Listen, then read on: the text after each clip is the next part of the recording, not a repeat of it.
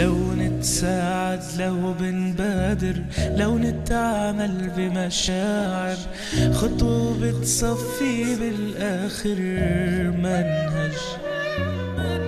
خلي التسامح مبدأنا والتغيير بيبدأ منا بتصير الأخلاق عنا منهج. منهج للخير منهج للغير ولكل إنسان.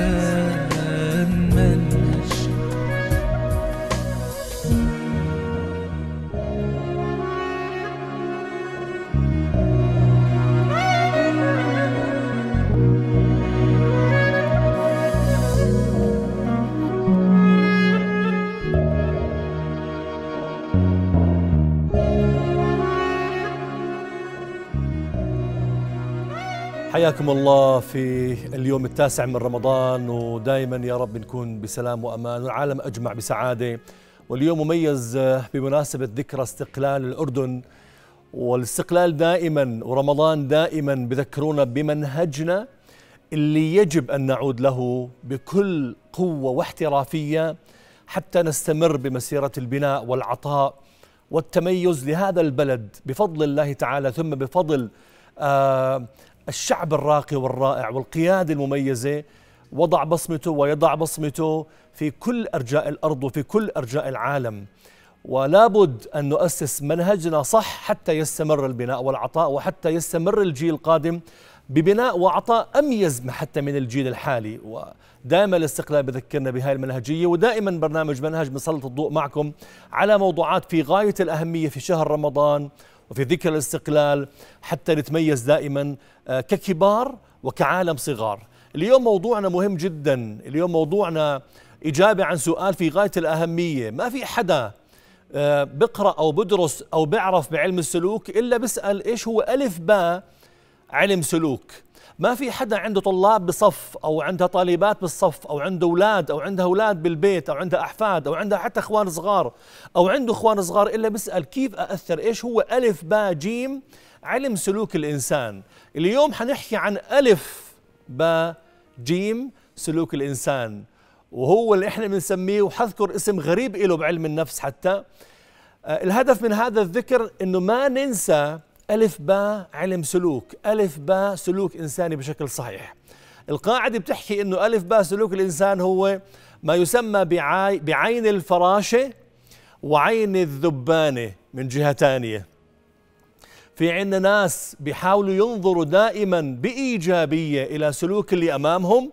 أنا بحكي سواء كان طالب أو طالبة عندك أو عندك بالصف. أو كان ابن أو بنت عندكم بالبيت أو معكم أولادكم أو كان اتجاه سلوك زوجتك أو كان اتجاه سلوك زوجك أو جيرانكم أو أقاربكم أو أيا كان في ناس بتفرجوا بإيجابية بنسميهم عين الفراشة. الفراشة لما تدخل على الحق اللي بتدور على كل شيء جميل. بتهدي على وردة بتهدي على نبتة جميلة. بالمقابل في عنا بعلم السلوك عين الذبانة عين الذبانة. اللي بس تدخل على مكان وين ما كان بتدور على ال... سامحوني بس بدي أحكيها بالعماني أو باللغة المعروفة إلنا على القاذورات على الزبالة بتدور. وهذا شيء موجود بعلم سلوك الإنسان. أنا ما عندي مشكلة مع الذبان اللي بتطير هذا هيك ربي خلقها بتدور على القاذورات. لكن عندنا كلنا مشكلة مع كل أب وكل أم وكل زوج وكل زوجة وكل معلم وكل معلمة. ما بيقدر يفسر سلوك اللي أمامه إلا بالسلبية بدور على سوء النية فيه بدور على الزاوية الغلط اللي فيه. أبي قصده هيك عمل لي هيك عشان يحكي عني هيك. ابني بين قوسين وبحكيها بالعماني كمان ابني بتحرك بعمر أربع سنين. معناته ابني كثير مزعج ابني قرد ابني إيش عارف شو؟ حرام. تتفرج على سلوك زوجك وعلى سلوك زوجتك وعلى سلوك اولادك وعلى سلوك طلابك وعلى سلوك اولادك وطلابك بعين الذباني هلكنا. تعبنا ارجعنا تخلفنا لورا. من ورا هاي النوعيات من البشر اللي مش قادرة تتصالح مع نفسها ولا تحكي بإيجابية عن الأشياء اللي حواليها. وإحنا دائما بنحكي كيف بقدر أكون إيجابي؟ سهلة. اتفرجي بعين الفراشه لحياتك وحياة زوجك وحياة أولادك. ونفس الشيء بحكي للزوج والأباء. الموضوع أذكر لذلك مثال. فلا تنسوه. في عين الفراشة وفي عين الذبانة. تفرجوا بهاي العين الإيجابية. دوروا على كل ما هو جميل بسلوك أبنائكم بسلوك أزواجكم وزوجاتكم طلابكم طالباتكم جيرانكم كل البشر. أذكر مثال لذلك وهو مشهور عندنا بالأردن. آه أنت رحتي أنت وابنك بعمر أربع سنين ثلاث سنين على بيت حماتك. فابنك بلا شك حيبدأ يتحرك. هو قعد أول دقيقة دقيقتين جنبك. بعد شوي مسك الفازة تحرك مسك شغلة بيت جدته حماتك اللي هي. عينك اتجاه سلوكه بعين الذبانة إنه حماتي حتفضحني. حتزعل مني؟ بيعرفش اربي ولادي. طب قعدوا جنبي ببدأ أقرص في فخدته من تحت وكلنا انقرصناها القرصة هاي وإحنا صغار. بينما عين الفراشة راح تقول لك إنه ابني حرك ابني جميل ابني طبيعي ابني مكتشف ابني بده يتعرف على بيت جدته بده يكتشف كل ما حوله. وهذا الشيء الطبيعي. اتفرجوا بعين الفراشة اتجاه سلوك الآخرين. ودعوكم من عين حقيقة تعبتنا عين الذبابة. جوا الصف لما أنا كمعلم أو كمعلمة عندي أحد الطلاب أنهى واجبه بكير والله يا جماعة الخير ببداية الفصل الأول والثاني أنا شخصيا بشاهد مئات إن لم يكن آلاف الرسائل توصلنا عن موضوع عن هذا الموضوع بالذات. إنه رحت للمعلمة على مدرسة اولادي بتقول لي المعلمه ابنك آه عنده صعوبات تعلم ابنك hyperactive ابنك ADHD ابنك ديسلكسيا تبدأ المعلمه اللي ليس لديها أي خبرة أي خبرة بهذا المجال وبتشخيص الحالات. صعوبات التعلم تحكي للأم. الأم بتتلقف الخبر كأنه صاعقه نزلت عليها. بيجوني افحص شوف شو قال ابني شو شو نعمل. ابنك طبيعي يا أختي ابنك أصلا ذكي. لا شو بتحكي؟ والله اللي بحكيه هيك. طب المعلمه بتحكي غير هيك؟ المعلمة نظرت بعين الذبانة لابنك. نظرت لحركته وسلوكه على إنه عنده اي دي اتش دي عنده حركة وفرط نشاط والى آخره. بينما ابنك ذكي بينما ابنك أنهى الواجب بسرعة تفوق توقع المعلمة وبده يتسلى فبدأ يتحرك جوا الصف. ابنك طبيعي. إن هلكنا تعبنا ضيعنا مستقبل آلاف مؤلفة من أولادنا وبناتنا جراء عين الذبانة.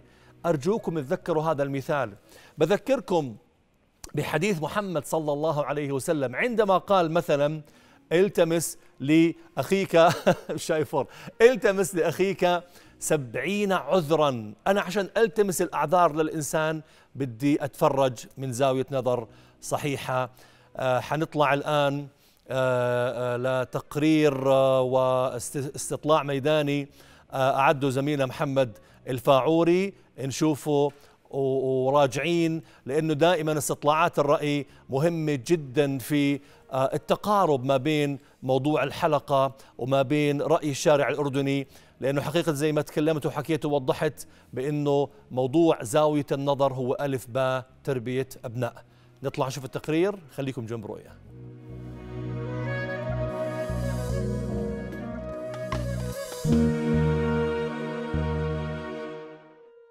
لما يصير خلاف بينك وبين زوجتك بتنظر للموضوع من زاوية واحدة من زاويتك أنت؟ لا طبعا بحسب المشكلة أو المشكلة اللي صارت إنه يعني أنا بقيم الموضوع. إذا أنا والله علي غلط ممكن يعني إنه أتساعد. ما علي غلط لا والله بمسك الطرف الناحية اللي أنا فيه يعني لا إذا كنت الثنتين نرتبط مش بصيرش نزعل مع بعض. لا أنا بنظر له من ناحيه دينيه الدرجة الأولى. من ناحية دينية؟ والله من جهة الطرفين يعني. يعني ديمقراطية إحنا عائلة ديمقراطية. أكيد من وجهة نظري. السبب السبب لأني أنا القائد. أنا دائما بحب أكون افرض الراي بالكلام. بس بالنتيجة بدي أرجع لنقاش بيني وبينهم. نرجع للعقل. لما يصير خلاف بينك وبين زوجتك بينك وبين ابنك تنظر للموضوع من زاويتك أنت من وجهة نظرك أنت؟ لا بالتأكيد بدك تأخذ وجهة نظره كمان بدك تأخذ عمره بدك تاخذ آه، أفكاره بدك مستواه العلمي بدك تاخذ بدك تاخذ أكثر من وجهة نظر يعني في الموضوع. بدك مش بس وجهة نظرك أنت وجهة نظر من جميع الأطراف. أكيد لا بنظر إنه في أولاد من النص والأولاد أهم من المشاكل وأهم من مصلحته ومصلحة زوجتي نفسها يعني. نحن في أولاد بالنص ننظر لمصلحة الأولاد بعدين ننظر للشغلات الثانية. لا أكيد من زاوية من كل الزوايا. السبب السبب لأنه مش من زاويتي لحالي برأيي أنا. من وجهة نظري أنا طبعا لأنه أنا القائد. نحن بسمع منهم والله إحنا عندنا كأسرة واحدة يعني كلنا بناخذ رأي بعض. يعني كنا إحنا بنحدد مين مين سبب المشكلة بنحلها. أما ما ما, ما بفرض عليهم يعني. هم إذا بحددوا لي أنا الفلان الفلاني الفلان الفلاني بنحلها نفس نفس الوقت. إذا حدث بينك وبين زوجتك أو بينك وبين أولادك خلاف بتنظر للموضوع من زاويتك أنت؟ طبعا. من زاويتي وزاويتهم بتفاهم أنا وياهم بنهي ال- ال- الأمر بيناتنا إذا حدث بينك وبين زوجتك أو بينك وبين أولادك مشكلة بتنظر للموضوع من زاويتك أنت؟ لا. شو من زاويتي بس؟ السبب؟ لأنه لازم تكبر عقلك هالأيام. من زاويتي أنا ومن زاوية كمان أهل الدار اللي معاي كلهم مو بس من زاوية واحدة. شو شو السبب؟ مو مباشر والله أي شيء لا من جميع الزوايا طبعا.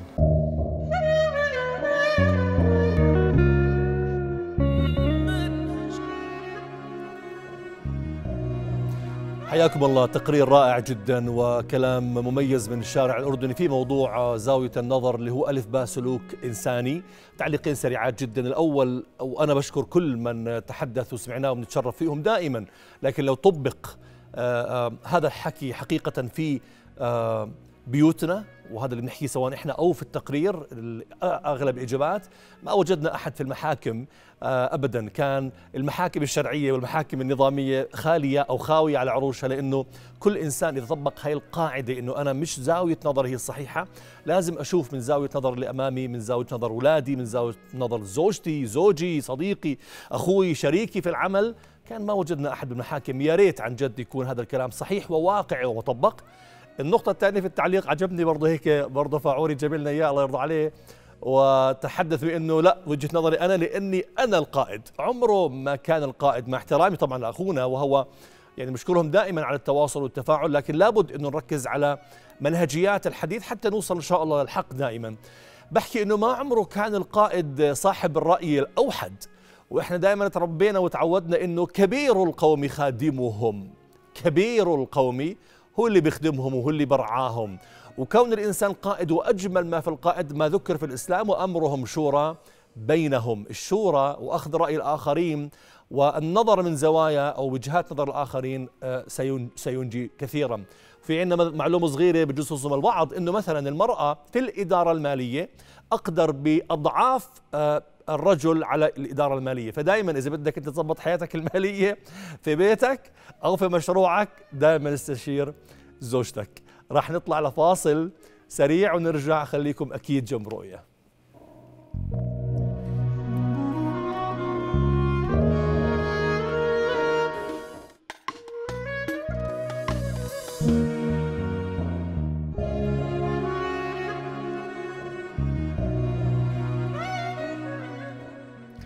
حياكم الله. وموضوعنا ما زال عن ألف باء آه، علم السلوك وكيف نسيطر على أنفسنا في توجيه السلوك وتعديل السلوك. وموضوعنا اليوم هو زاوية النظر واللي سميناه بأول حلقة زي ما يسموه علماء أو بعض علماء النفس عين الفراشة وعين الذبانة. وهذا الموضوع الرئيسي. بدي أذكركم بقاعدة ذكرها الإمام الشافعي في الموضوع. وهاي القاعدة بتساعدنا عمليا عمليا على تطبيق آه، زاوية النظر في سلوك الإنسان اللي أمامنا سواء كان سلوك زوجتي معي، سلوك زوجي معي، سلوك اولادي معي، سلوك طلابي معي وهكذا. الشافعي بيقول وهي قاعدة جميلة جدا، جميلة في- للغاية. بحكي رأيي، رأيي اللي تبنيته أنا صواب عشان هيك تبنيته أصلا، لكنه يحتمل الخطأ. في هامش خطأ لأنه أنا بشر. رأي غيري إذا كان مخالفني خطأ، عشان هيك أنا ما تبنيته يعني. رأي غيري خطأ لكنه يحتمل الصواب. هاي يحتمل رأي الخطأ ويحتمل رأي غير الصواب. هاي يحتمل ويحتمل. بتخلينا في دائرة التفاهم. بتعلمنا أدب الاختلاف. بتعلمنا أن نصل للحقائق والحقيقة. بغض النظر اسمي آه، قائد كزوج ولا شو ما كان اسمي هذا الموضوع مختلف تماما. بذكركم بأرقام الهواتف اللي عم تظهر في أسفل الشاشة آه، عشان نتواصل معكم على الهواء وأسئلتكم حول موضوع الحلقة.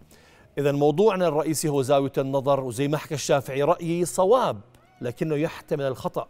رأي غيري خطأ لكنه بلا شك يحتمل الصواب. وعلى فكرة هاي القاعدة إحنا مرات بنعلمها لأبنائنا اللي هي إحنا بنسميها برضو بعلم النفس آه، ما وراء السلوك.